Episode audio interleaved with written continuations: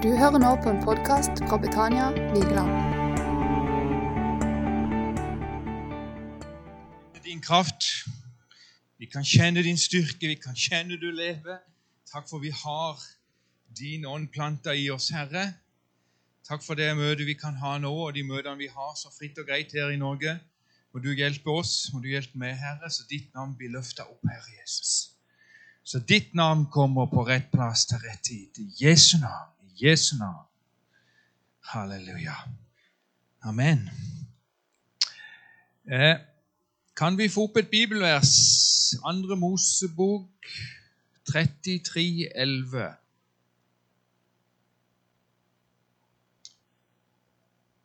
Jeg må, jeg må bare prøve å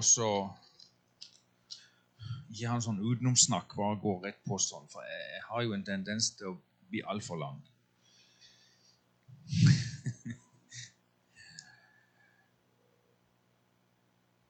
Herren talte med Moses ansikt til ansikt, som en mann snakker med en venn. Hæ? Tenk. Ja, Vi tenker vel som at Moses han er jo nesten en gud, ikke vel? Men var han det? Var ikke Moses et vanlig menneske som mer det? Kalt av Gud? Som levde i Guds plan fullt ut? Som fikk ut et stort potensial av det kallet Gud hadde kalt ham til? Så står det Moses talte med Gud ansikt til ansikt. Nå var ikke det helt sant, da. Jo, det var jo det, men, men Gud måtte holde hånda si foran ansiktet sitt så ikke Moses skulle dø. For det strålte sånn av Guds ansikt at Moses hadde ikke tålt det. Men allikevel det er tøft. Og, og jeg tenker det, det er vår Gud. Det står en annen plass i Bibelen sånn cirka det at noe annet var det med Moses. Han snakket ansikt til ansikt med Gud. Noe annet var det med Moses. Altså noe annet med han enn andre folk. Ja, det var det. Han hadde en spesiell plass i historien, i Bibelen, i Guds plan på denne jord. Det var noe spesielt med han. Jeg, jeg skal innrømme det. Han var ikke helt som meg av det enda. men, men det viser bare at det er litt mer å få tak i. He? Vi har litt å gå på. Kan du si det til deg sjøl? Det er mer å innhøste. Vi har mer land å innta. Vi har mer kontakt med Gud. Gud ønsker mer kontakt med oss enn vi har i dag. Hæ? Det er noe mer. Og jeg vet ikke hva vi tenker for noe. Er vi, er vi opptatt av at det er noe mer, eller er vi ikke opptatt av det? For det, det er du som styrer tempoet. Det er du som styrer. Gustav Svendvik sa det. Du kan få det med Herren som du vil. For det at Herren han er konstant, han er fast, han er stabil, står med åpne armer, og der står han. Med tilbudet sitt er åpent hver dag hele ditt liv. Ja, Så det er som, han kan ikke gjøre noe mer. Det han har gjort, er fullbrakt. Og skal det bli mer kontakt, så er det vi som må begynne å gjøre noe. Og Moses Du kan finne fram Hebreerne 11, 25. Hebreerne 11, 25. Altså, Moses han var jo født på et gullfat. Han hadde en litt tøff start, men så ble han jo ala opp i det største landet, i det største kongehus i verden i den tida. Med alle de godene det gikk an å få. Eh, vi tar med 20, vers 26 òg. Det står om Moses. Han valgte heller å lide vondt sammen med Guds folk enn en kortvarig nytelse av synden. Han holdt Kristi vanære for å være større rikdom enn skattene i Egypt, for han så frem til lønnen. Du, Moses gikk han ut av komfortsonen? Hæ? Når han vraga hele det egyptiske kongehuset og utdanning og skole og jobb og karriere og liv og ekteskap og familie og alt på det beste nivået i verden, og gikk ut i ørkenen Han gikk ut av komfortsona si. Men han gjorde det han følte var rett. Så, og så jeg er sikker på han ba mye. Jeg er sikker på det var, Dette var en lang prosess, og det var tøft for han. Men han kom fram til det. Det beste for meg er å bare gå som jeg får åpenbart. Og når Gud da senere kaller han til tjenesten og utfri Guds folk, så hadde han mange unnskyldninger. Han eh, kunne ikke ordlegge seg, og han hadde ikke kraft, og han tørte ikke, og det var vanskelig. og prøvde seg. Altså, ja, vi kjenner oss jo igjen alle sammen. He? Han fortsatte allikevel å gå ut av komfortsonen og gjøre det som var rett. Og jeg vet at det er ikke så veldig populært å snakke om å ofre noe. Det er ikke sånn hallelujastemning. Men jeg må beklage, altså. Hvis vi skal nærmere Gud, så må vi ofre noe annet. Du har 24 timer i døgnet. Og noe må du legge vekk. Og du må ut av komfortsona. Sorry. Du må gjøre noe som du syns er vanskelig, tøft og hardt.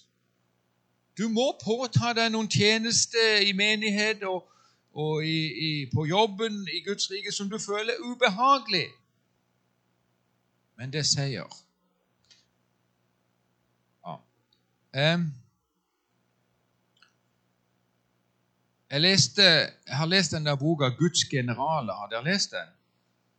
Det, det, det, det, får den på Hermon forlaget. Dere må kjøpe den hvis ikke dere har lest den. Det er om disse virkelige troskjempene på 1800- og 1900-tallet. Disse som virkelig har og der var det, Jeg husker ikke hva han heter for noe, jeg har ikke lett etter navnet. for det betyr ikke noe, Men det var en stor amerikaner som reiste rundt i verden og hadde teltmøtekampanje. og Det var sånn på 1800-tallet med, med, med 10 000 mennesker i telt og sånn. Det var skikkelig store, store greier. Og så var han i Australia på skulle ha møtekampanje der. Og så, og så Hver kveld så samla de alle pastorene til alle, og alle lederne i alle menigheter som var med på denne kampanjen, og så hadde de bønnemøte før møtet.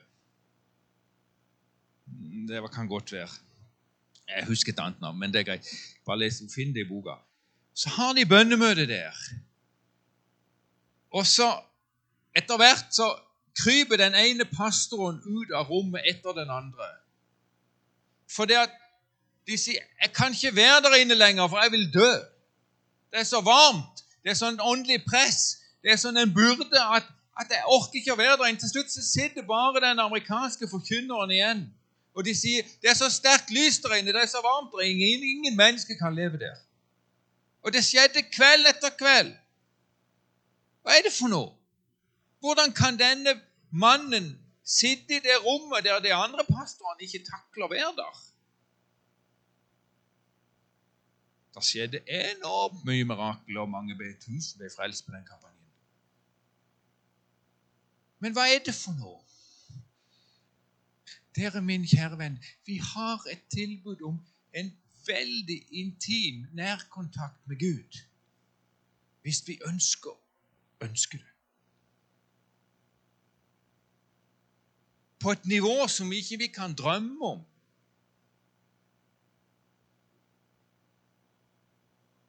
Og dette tror jeg på. Og, og jeg kjemper og jeg kjemper. Og jeg får det ikke alltid til. Men jeg ønsker å være positiv. Jeg ønsker å søke Gud mer og mer. Mer og mer. Tror du, tror du denne amerikanske predikanten har Tror du det koster noe for han å komme til det nivået der han er på det nivået ingen andre takler å være? Den veien han har gått for å komme der til, den har ikke vært billig. Det kan jeg love deg.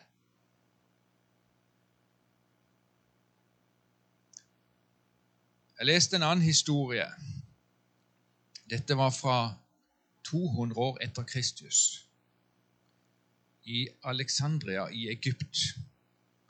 Eh, ei slavejente som heter Potamia. Hun var ei ung slavejente som tjente Gud så aktivt at eh, eieren ble, han som eide denne slaven, ble veldig brydd, og han var en veldig mektig mann. Og til slutt så fikk han en dom på henne. At han kunne gi henne til gladiatorene hvis de ikke omvendte seg fra kristendommen. For seksuell misbruk. Men hun omvendte seg ikke. Hun ble gitt til disse gladiatorene. Men hun ba for dem og forkynte for dem, så de, de torde ikke å røre henne. Og de ble frelst og slutta å kjempe. Så måtte de jo ta henne ut derifra, men da ble hun dømt til døden. Hun ble dømt til å kokes i olje.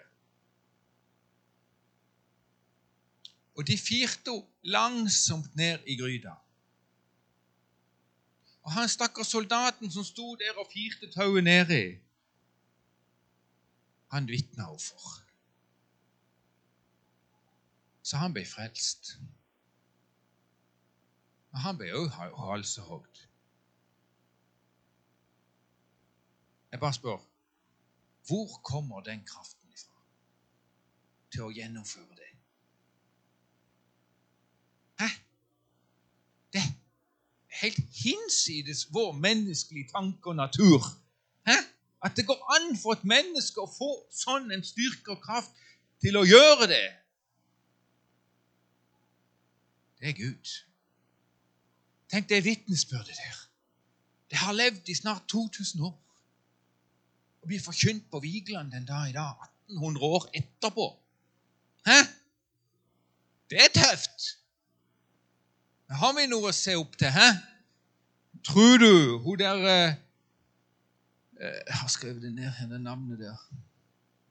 Hun fortjener jo at det blir uttalt riktig, for alt det. Men eh, jeg, jeg har jo dysleksi. Potamia. Tror du hun gikk ut av komfortsonen? Hæ? Det blir jo et dumt spørsmål likevel. Jeg erte dere jo bare. Jeg vet jo det.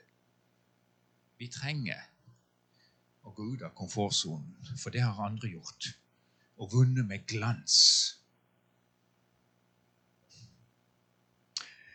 Eh, jeg har fortalt dere om Berisha fra Tsjekkostamme.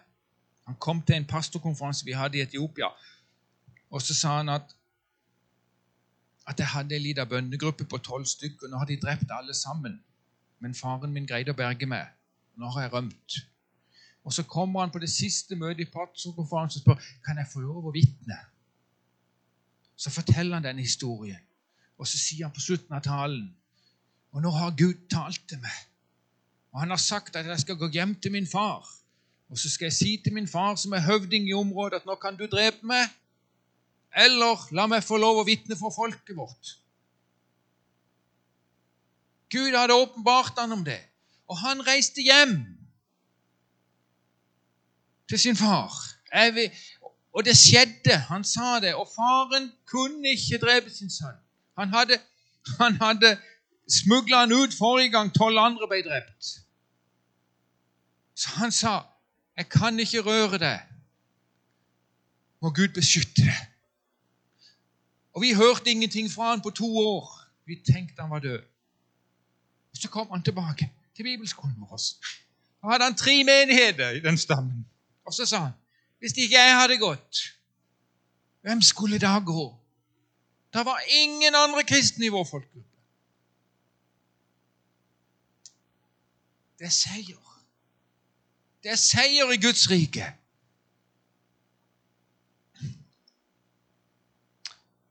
Det der eh, misjonsarbeidet vi holder på med, det er jo vi som gjør det. Eh, det er totalt Guds mirakel. Har du forstått det? Hæ? Har du forstått det? Altså, Kjell nevnte den der uh, leirstedet der nede der vi ba over noen gråsteiner for syv-åtte år siden. Det er mange, mange sånne gråsteinhauger som Gud har reist opp. Det er helt utrolig. Og, eh, og eh,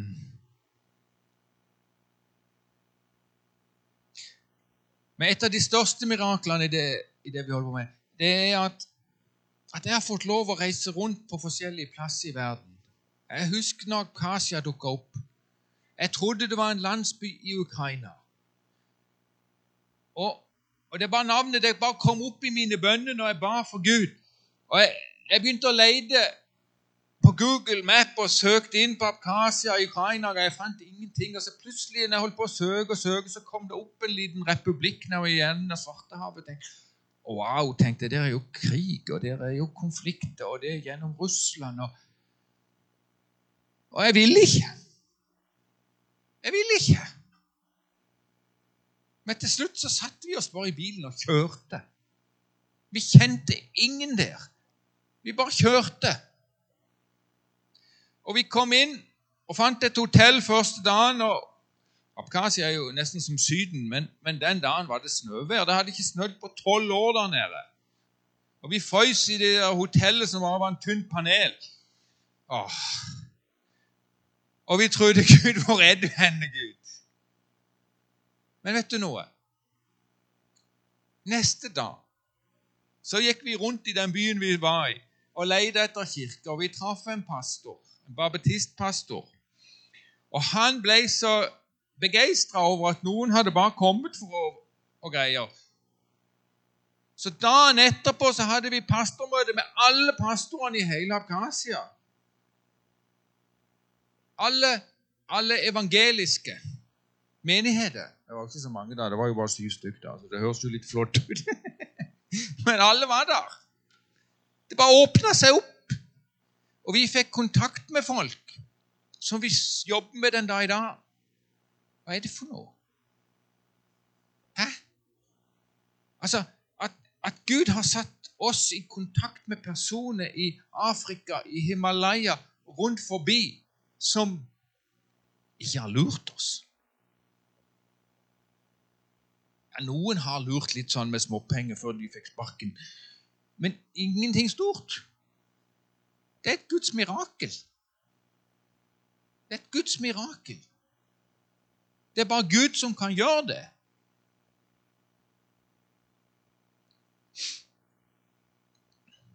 Men vi har prøvd å samarbeide med en del folk som har skjønt at ok, dette går ikke. Men, men vi har sett det før det har blitt noe. Stor sak.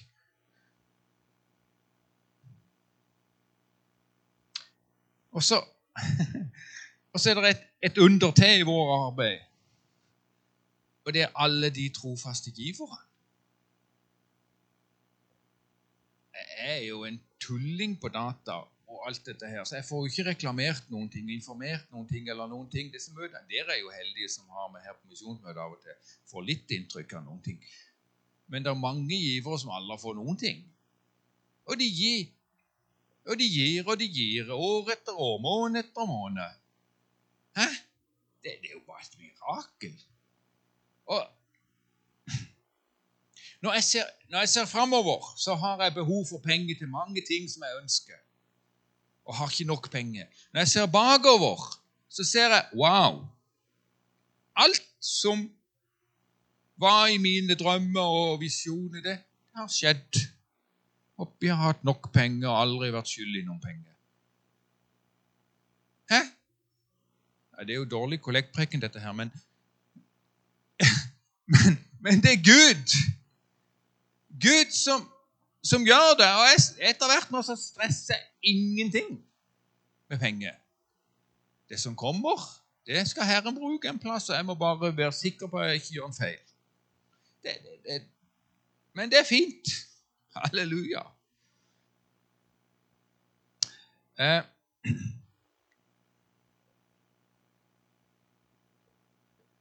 Vi skal begynne med noen bilder. ja. Må, må, du trykke på det første, kanskje?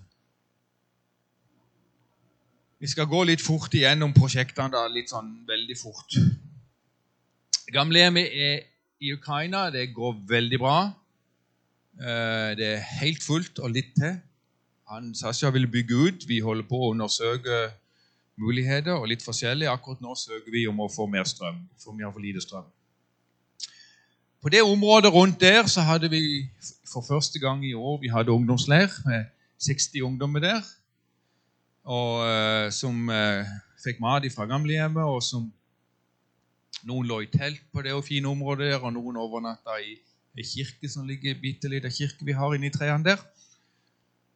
Og, og, noen fra selve byen kom bare på dagen.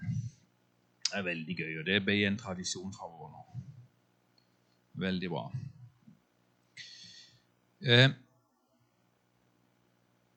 altså er det så flott. I forrige uke så starta de opp fengselsarbeidet i Ukraina igjen.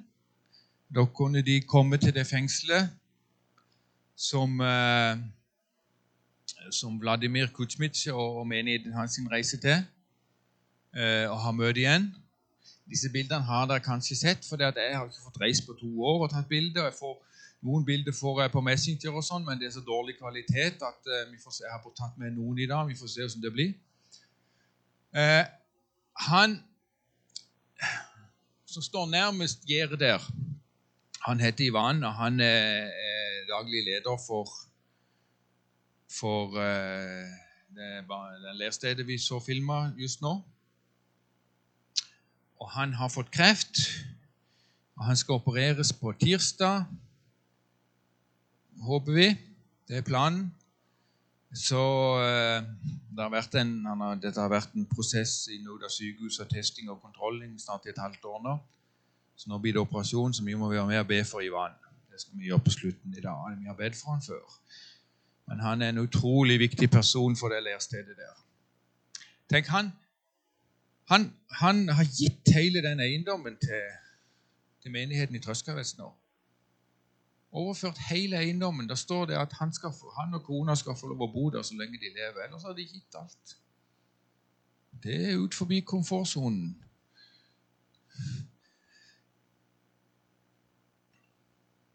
Her har vi bildet fra Abkhasia. Det er Bova Sulajok, misjonæren vår. Han står foran der i blå T-skjorte. Det er et søndagsmøte for tre-fire uker siden. Eh, på baksida av kirka så har vi over to år nå bygd opp et litt sånn eh, ja, eh, sted for barn og aktiviteter. Vi har et, et, et, et, hus der. Det er veldig varmt der nede. Så ofte har de søndagsskole og barnearbeid ute under det halvtaket der, for der er litt mer svalt. Og så har vi lagd en sportsarena der vi har så lite areal at vi har satt opp et svært netting rundt en betonggulv og så lagt gummimatte på. Så det blir sånn volleyball og tennis og sånn sportsareal og sånn for legeaktivitet. Og Den ble nå ferdig i sommer. Så i år var det over 60 barn der på den leiren de har der. Veldig bra. Og nå i oktober så har vi den faste handikapleiren i Abkhasia. Der har vi skrevet til alle menighetene i Abkhasia at de kan plukke ut uh, ti handikappa personer hver. Med, med, de må jo ha med seg en ledsager. Så, så dette er bildet fra to år siden. Og det er en, det er en, ganske, det er en veldig dyr leir. For vi må, vi, helsemyndighetene er veldig inne i bildet her. Så vi må, vi må leie et ordentlig leirsted eller et hotell der, der mat og sanitetsforhold og alt er etter boka. Så, men vi, jeg føler det at det er riktig å gjøre. Jeg gjør det. Jeg føler det. Og eh, i, i, sånne land der, der får de, som, de svake i samfunnet de får ingen oppmerksomhet. Så, så, vi tror og vi ser at det har en veldig positiv effekt på disse menneskene, både, både rent menneskelig, men også at det er veldig mange av de som blir frelst når de, når de blir invitert sånn år etter år på disse leirene. Ja Vi kan I, Jeg må bare si i en annen by. Eh, vi har tre byer i Abkhasia der vi er ansvarlig for menigheten. Det er der Vova bor. Og den menigheten er, har hatt en veldig fin utvikling. De er ikke mer enn 20 stykk, men de er stabile, sunne kristne, og det begynner å ta form av en menighet. Men det har tatt åtte år. altså det er Ni år snart. En tøff plass. I en annen by som heter Kvartjal, der har det gått veldig bra. Der er vi over 40 stykker i menigheten nå, og stadig så får jeg eh, meldinger at det er nye som blir frelst. Så der har det vi som brutt igjennom. Og så har vi en annen by som ligger helt på grensen til Georgia, som har, eh, heter, heter, faktisk Gal, og det er ganske galt der, for det at alt ble flata ut under krigen totalt. Og så eh, egentlig så Folkene de, de, må jo bo der. Eh, men det er fullt av militærleirer der og FN-leir der, og, og, sånn, så det er halvveis fremdeles en litt sånn eh, skummel plass. Og den, I den menigheten sliter vi litt. Så eh, han pastoren som var der, han var en, en stammeperson. Prøver, Det er to stammer der som vi jobber i. Og, men var, vi visste jo at han var ganske vill og gal. Men han hadde en enorm innflytelse på stammen sin og, og fikk mye folk med seg. Men så fant han seg ei dame i Russland og ble gift og reiste. Så noen syntes det var greit, og noen syntes det var trist. Så nå holder vi på å etablere en ny pastor der, og i den overgangen nå så, så er det litt vanskelig. Så skal vi gå til Afrika. Eh, disse to jentene her de har kledd seg i sånn nasjonal bunad, eller hva du kaller for noe. Eh, de tilhører Hammer og Bennat stamme. Kjell har vært der. Mathias har vært der. Og eh, Guttene de går sånn kledd. Normalt, hverdagslig. Det er gjetere, dette her. De går i miniskjørt. Vet dere hvorfor?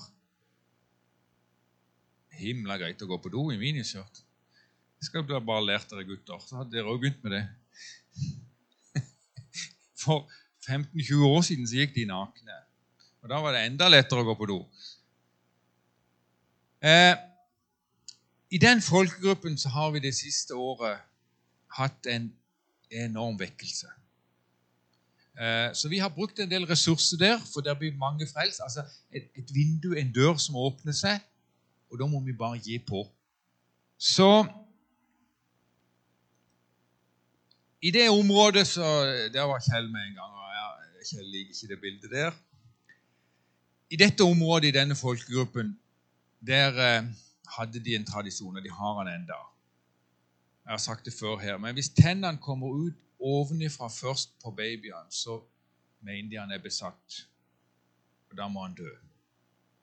Og dette er offerplassen for disse babyene vi var og besøkte. Og der, det var òg ei steinrøys vi har stått og bedt i, Kjell, som Gud har gjort mirakler. Eh, når vi var der, så var det allerede etablert seg en liten gruppe av kristne mennesker som var litt oppe i systemet, litt oppe i kongeslekta, som hadde greid å stoppe den aktiviteten for fem, seks, åtte år siden, når vi var der. Det er ti år siden nå. De slutta å ofre barn der.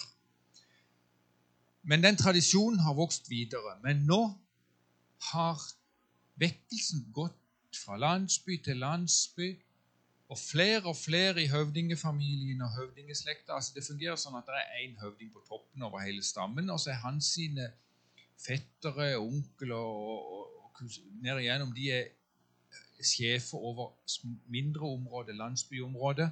Og flere og flere av disse er blitt frelst eh, på sånne møter som dette her. Så nå har de kongeslekten lagt ned et forbud i, både i i Bennas stamme og i Hammers stamme at det er forbudt å få barn på den måten. Fordi vekkelsen har gått igjennom. Og der sto vi oppi den steinrøysa med Kjell og andre. Jeg skal si deg nå, hvis, hvis ikke du har kjent åndsmakter før, så kjente vi det der. Det var helt forferdelig å være der. Men nå har vi virkelig bryta igjennom i det området der, eller vi det er, jo, det er jo de innfødte misjonærene som gjør alt. Og det er spesielt ei dame da, som har virkelig tatt fyr der nede.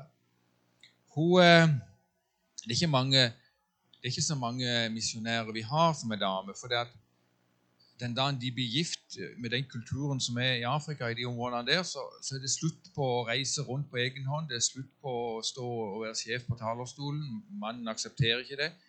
Men hun har sagt at jeg skal aldri gifte meg. Jeg skal tjene Gud. Jeg skal ikke gifte meg. For det, da, da går tjenesten vekk. Og, eh, og hun er i kongeslekta. Hun blir respektert. Hun har muligheten. Så, så når, hun, når, hun, kommer til, til landsbyer og til områder, sånn, så får hun lov til å ha sånne evangeliseringer. Hun er bare helt enorm.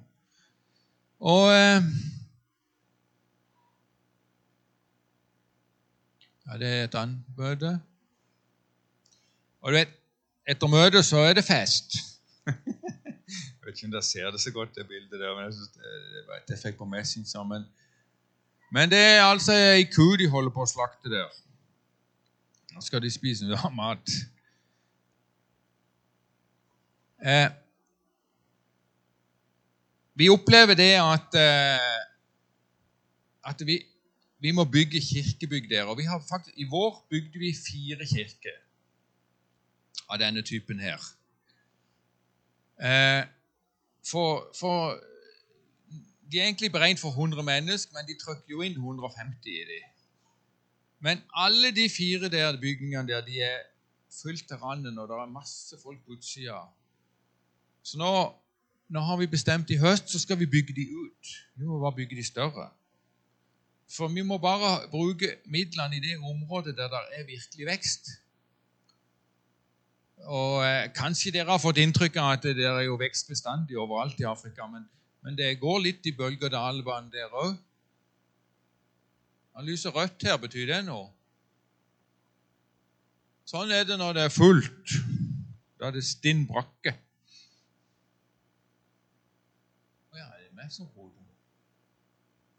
Og Sånn er det når de sine egne bygninger blir for fulle. Da, da, da er det fullt. Jeg må fortelle en historie her.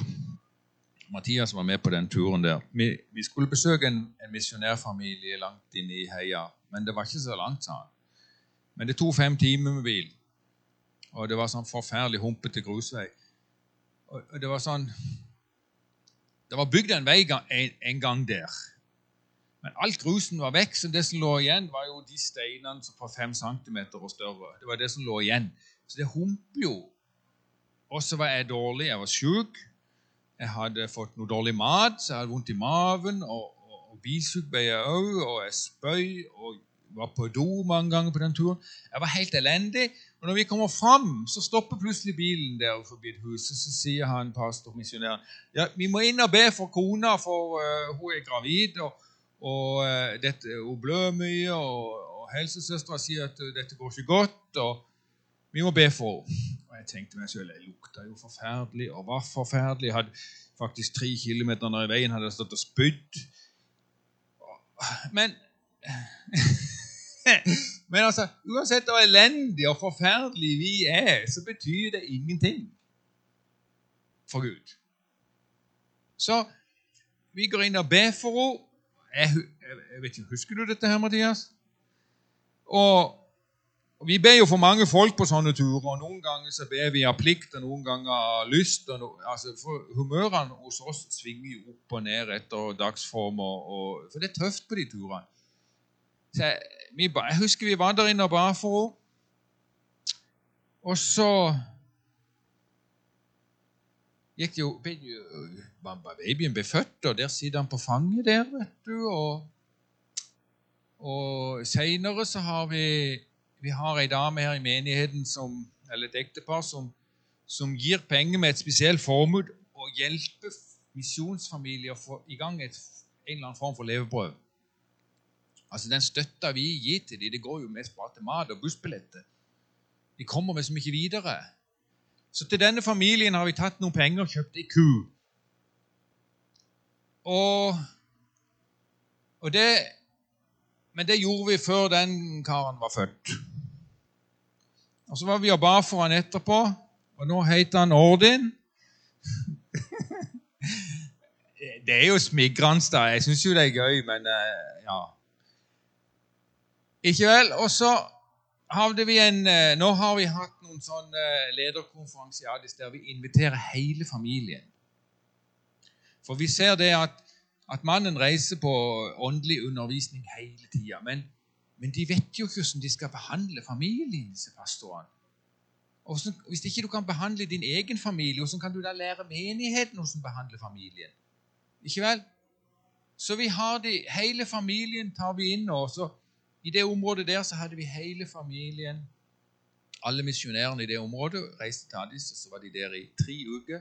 Der får de undervisning om hvordan behandle ektefelle, hvordan oppdra og behandle barn, hvordan, hvordan eh, styre økonomien, at, at barna kommer først, mat til barna kommer først, f.eks., før du kjøper deg en ny T-skjorte eller nye klær eller et smykke på hånda, så kommer mat til barna først. Altså lærer de Og de, de må læres.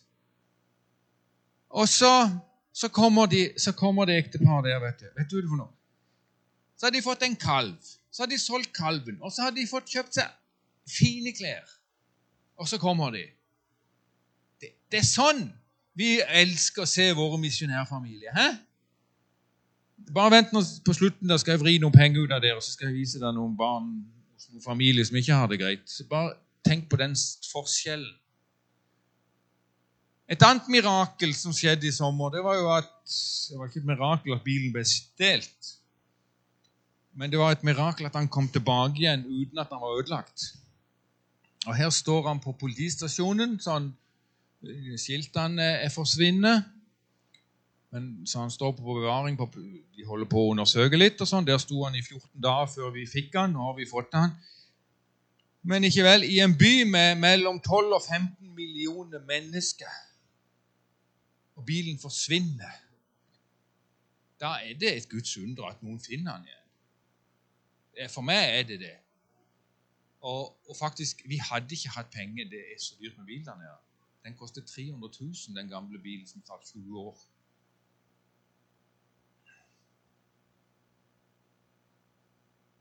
Her har vi noen misjonsfamilier som ikke har det fullt så bra.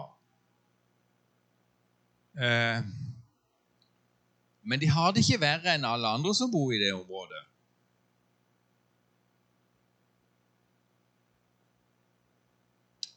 De lever veldig primitivt. I den ene delen av denne runde hytta si der bor dyrene i noen stammer, og i den andre sida lever menneskene.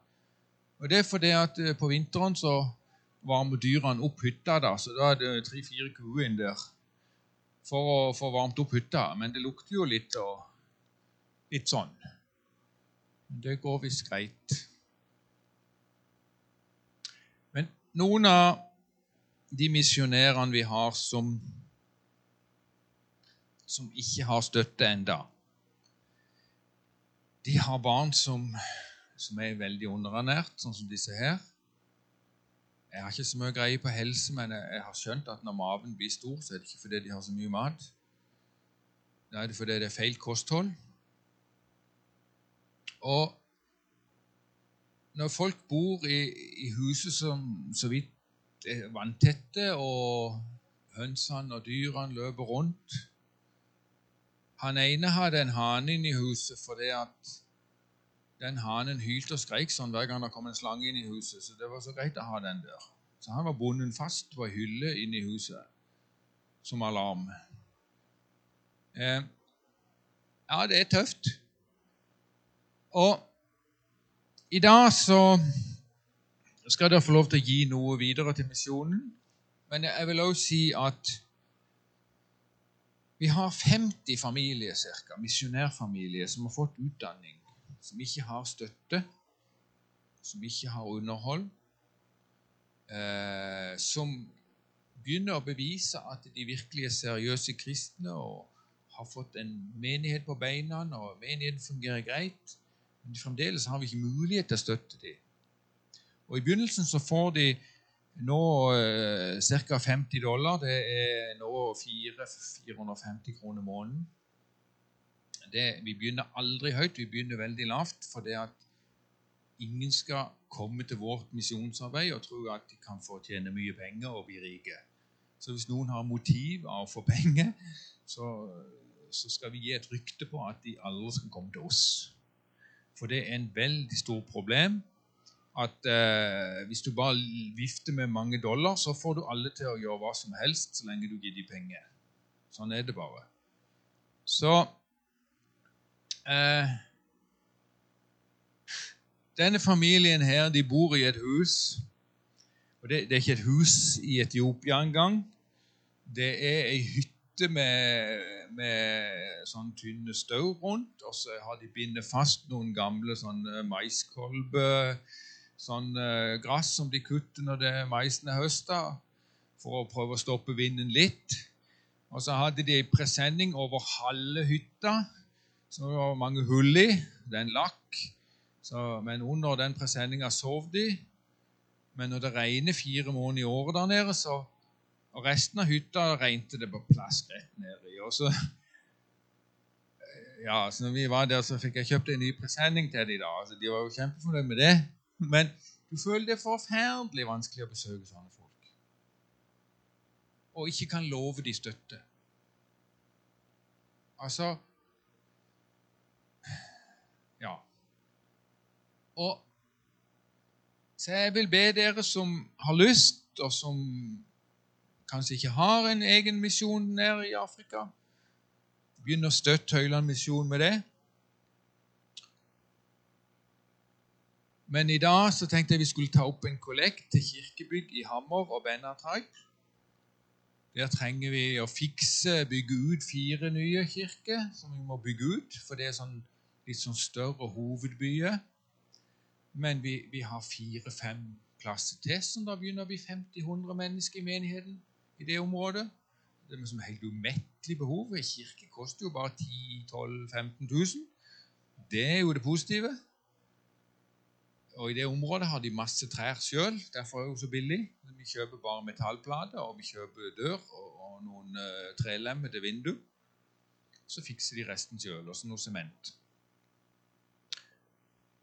Så hvis vi kan få opp et Vipps-nummer til slutt Det ble jo nesten halv ett, ja. Det er nokså normalt. Så tar vi inn en kollekt. Skal vi synge en sang? Yes. Vær så god, Kjell.